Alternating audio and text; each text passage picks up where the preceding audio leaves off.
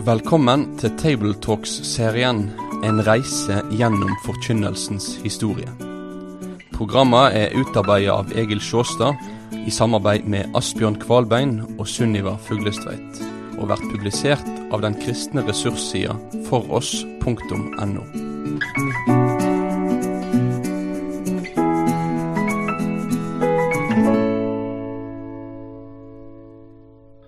I forrige episode møtte vi nordafrikaneren Tertulian og hans forsvar mot forfølgere og deres beskyldninger av de kristne.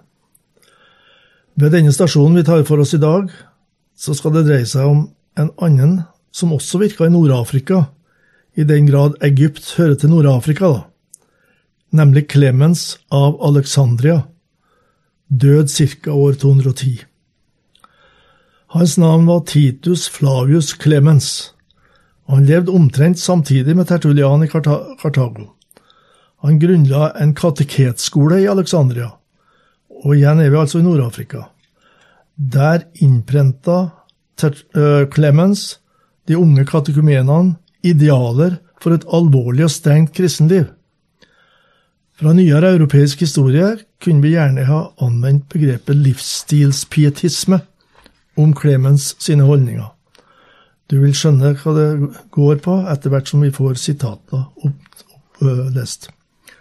Han la vekt på å leve som en kristen, er på nytt og på nytt å ivareta formaningen om å leve annerledes, f.eks. Romerne 12, 1-2. Jeg formaner dere altså, brødre, ved Guds miskunn, at dere fremstiller deres lemmer som et levende og hellig offer til Guds behag dette er deres åndelige gudstjeneste. Og skikk dere ikke lik denne verden, men forvandlet ved at deres sinns fornyes, så dere kan dømme om hva som er Guds vilje, det gode, det som Han har behag i, det fullkomne. Kristenlivet er altså ifølge apostlene et annerledes liv. Både Tertulian og hos Clemens ser vi derfor betoninga i forkynnelsen som egentlig sprenger rammene for de forkynneridealene som vi så på i de første kapitlene. Tendensen innenfor kirka blir at lov og formaninger preger prekestolene vel så mye som sjølve evangeliet. Men om vi trekker med oss apostlene sine brev som eksempel på og kilde for kristen forkynnelse, da finner vi hos disse to kirkefedrene dimensjoner som absolutt er i samsvar med apostolisk forkynnelse, og som måtte temaer som måtte og må opp på prekestolen. Ut ifra Det nye testamentet kan vi skjelne mellom kerigma, det grunnleggende frelsesbudskapet om Jesus, og didache, veiledningen for tro og liv. Det er altså dette siste vi her skal høre et eksempel på ifra rundt år 200. Isolert sett er det meget spennende å se hvordan bibelske formaninger blir konkretisert. Clemens sin bok fikk tittelen Pedagogen, og utdraget er henta derifra. Det er for øvrig primært ei bok i trosopplæring, men liksom Tertulians forsvarsskrift, så er Pedagogen eksempel på hva som må ha vært tydelig framme i hans forkynnelse. Katekese og forkynnelse gikk hånd i hånd, og formaningene spilte en stor rolle. De døpte skulle lære dem å holde, eller lære å holde, slik Jesus hadde sagt i misjonsbefalingen. Forsvarsskriftet til Tertulian, som vi hørte om forrige gangen, og pedagogen av Clemens kan gi et bilde av hvordan den kristne minoriteten kjempa med å bevare sin identitet i sin samtid. Tertulian tenkte mest på kristne fra lavere samfunnsklasser, selv om han i forsvarsskriftet avspeiler stor kunnskap om historie, litteratur, samfunnslære og religion. De kristne kjempa mot hedenskapet i troskap til døden. Clemens, som vi nå skal gjengi litt ifra, han taler til katekumener fra høyere sosiale klasser. De måtte finne sin vei i møte med storfolks fråtseri og forfengelighet, og avgrense seg ifra det vi, med et litt nyere uttrykk, kunne kalle verslighet, det som avspeiler et verdisett der utsvevelser pyntesyke og festing ha en førsteplass. Merk at pedagogen egentlig er en betegnelse for Gud eller Jesus, og utdraget begynner med en type selskapsliv som de kristne må holde seg borte fra. Her må jeg nevne gravøl eller selskap for de døde. Vi har ikke lov å være med i dem. Den slags selskap er fryktelige offerfester. Også de usanselige sjeler innbys til disse. Jeg vil ikke at dere skal ha samfunn med onde ånder, sier apostelen. Vi må holde oss fra dem, ikke av frykt, for det er ingen hemmelig kraft i dem, men for vår samvittighets skyld fordi vi avskyr onde ånder, som de er innviet til, av hensyn til de mennesker som har svak samvittighet, og som bedømmer alt i verste mening. Det passer seg ikke å sitte ved de onde ånders bord, for dem som får den guddommelige næring i nattværen. Har vi ikke lov til å ete og drikke, sier apostelen, men når vi frivillig avstår fra den fornøyelsen vi har lov til, da temmer vi våre lyster. Se til at vår frihet ikke blir til anstøt for de svake. Denne livsstilspietismen som her kom til uttrykk, den skal være åpen for en god kontakt med ikke-kristne. Clemens tenker seg enda til at kristne i selskapslivet kan påvirke venner til å bli med på omvendelsens vei. Vi må altså sky fråtseri, men under tiden kan det være nødvendig å bli med i gjestebud. Når en av hedningene innbyr oss til bords og vi beslutter å komme, det var riktignok best ikke å ha omgang med ryggesløse mennesker så har vi den befaling at vi skal spise det som blir satt foran oss uten å engstes for samvittighetens skyld.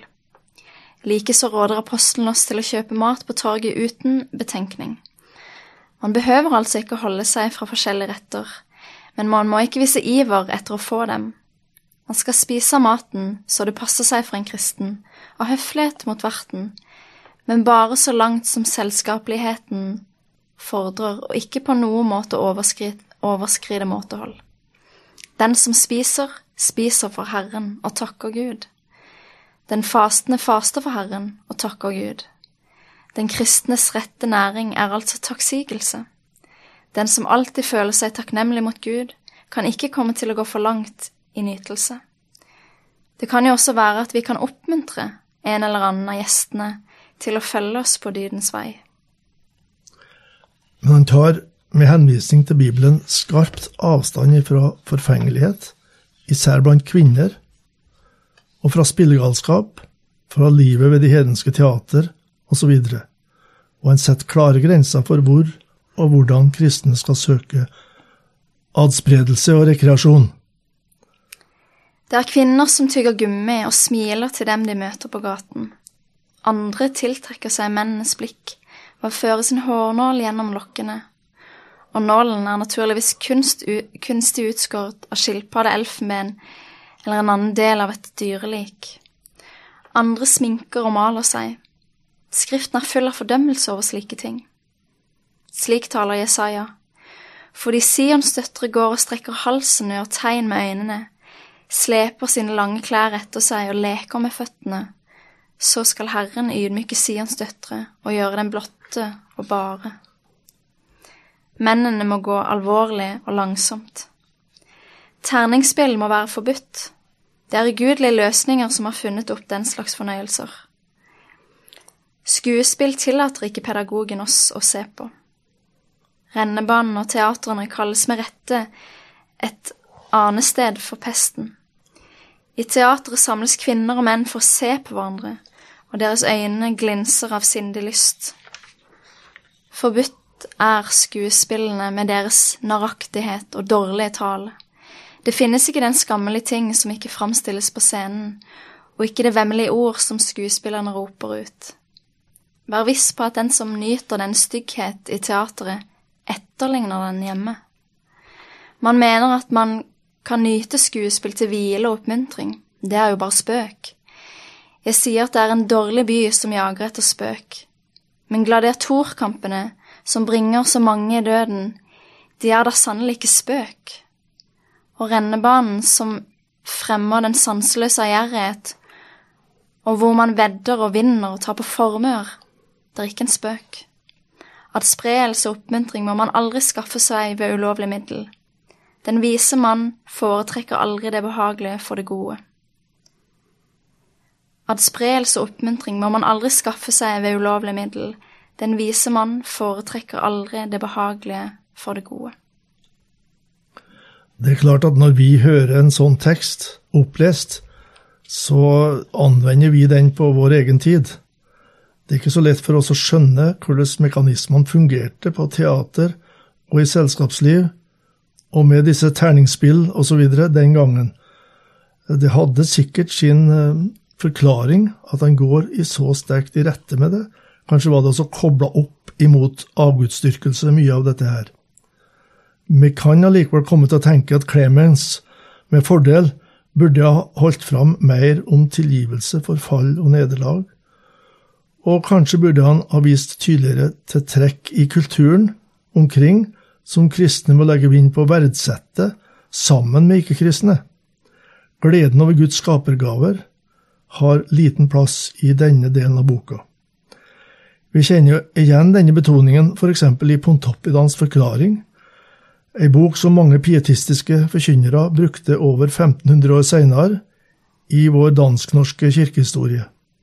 Det gjaldt om å bli bevart som kristne, og da måtte alt som kan dra oss bort ifra Jesus, forsakes.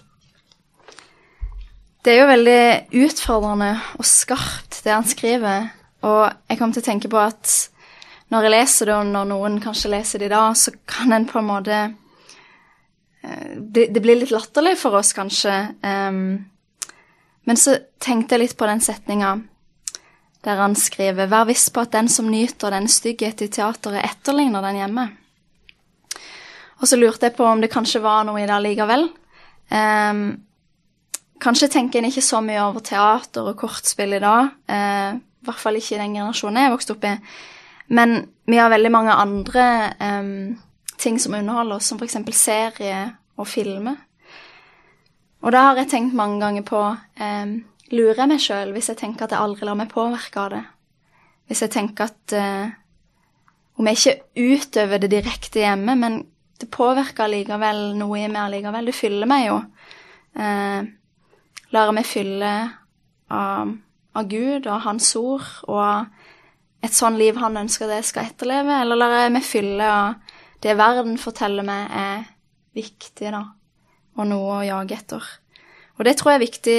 Det, betyr ikke at en aldri skal se en film som ikke er kristen, f.eks., men jeg tror iallfall det er noe viktig å tenke på hvordan påvirker det meg, og påvirker det meg faktisk så mye at jeg nesten etterlever det i livet mitt, istedenfor å etterleve Guds ord. Da avslutter vi denne episoden med disse tankevekkende ord av Sunniva. Takk for at du har vært med på denne reisa gjennom forkynnelsens historie. Vil du lese mer om temaet? Da kan du kontakte oss på postalfakrøllfoross.no for å bestille denne serien i bokform. Besøk òg gjerne foross.no for å finne flere aktuelle ressurser.